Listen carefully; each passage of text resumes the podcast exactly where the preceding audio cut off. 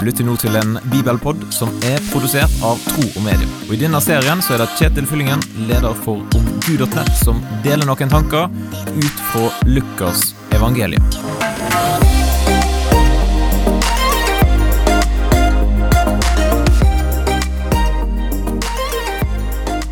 Hva vil folk si?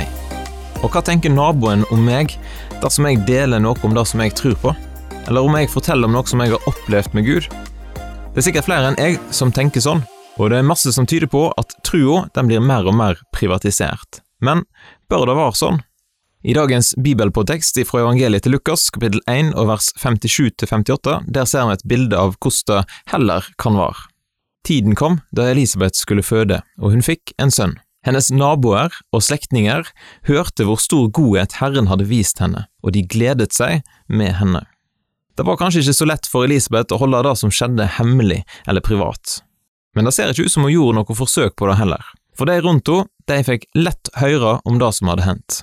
Og hvordan var responsen? Naboer og slektninger, jo, de gleda seg sammen med Elisabeth. Jubelen sto i taket. Det er ikke sikkert at vi får samme reaksjon ifra våre naboer og slektninger dersom de får høre om hva vi tror på. Og det finnes mange eksempel på negative reaksjoner både i Bibelen og ifra verden rundt oss i dag. Men du finner ingen oppfordring i Bibelen om at du må holde trua di privat. Og hvem veit, kanskje får du samme opplevelsen som Elisabeth fikk. Så dagens bibelpod-utfordring, den er lev så åpent med trua di at naboene får høre om det. Hva tenker du om teksten her i Lukas kapittel 1?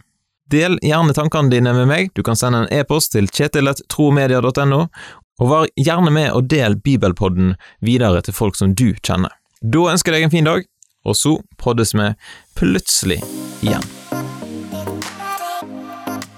Takk for at du lytter gjennom denne bibelpodden, og vil du gi en tilbakemelding på det som du hørte, eller vil du lære mer om kristen tro, da kan du gå til nettsida omgud.nett.